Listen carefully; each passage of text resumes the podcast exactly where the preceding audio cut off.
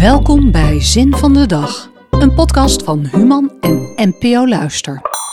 Hoe donker de tunnel ook is, je kunt er altijd wat lampjes ophangen. Mark de Hond. Hoe maak je het leven lichter in zware tijden? Aanstaande zondag is het Wereldkankerdag.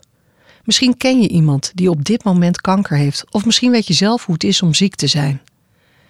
Mark de Hond, ondernemer, DJ en presentator, kreeg op zijn 25ste te horen dat hij een tumor had in zijn ruggenmerg. Hij raakte verlamd en kwam in een rolstoel terecht. Later kwam er ook blaaskanker bij. Hij was heel open over zijn ziekte. Hij vertelde in theatershows over het ziekteproces en hoe hij zijn leven zin gaf na de diagnose.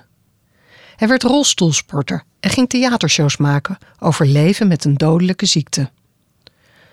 Op 3 juni 2020 stierf hij. Kort na zijn overlijden vertelde zijn vader, Maurice de Hond, over het verlies van zijn kind. Als je de kracht hebt zelf om daar overheen te stappen, dan kan je zoveel doen voor het verwerkingsproces van de mensen om je heen. Het verdriet deel je.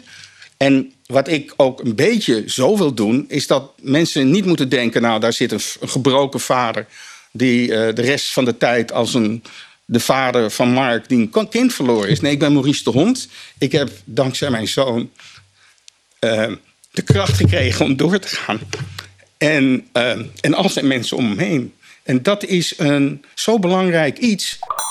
Mark de Hond wist dat hij ging sterven. En liet vooruit verjaardagscadeautjes achter voor zijn kinderen. En voor ons allemaal ook deze lieve, troostrijke uitspraak. Hoe donker de tunnel ook is, je kunt er altijd wat lampjes ophangen. Laat ons weten wat je van de podcast vindt door deze te beoordelen en een review achter te laten. Zo is hij ook beter te vinden voor anderen. Dankjewel.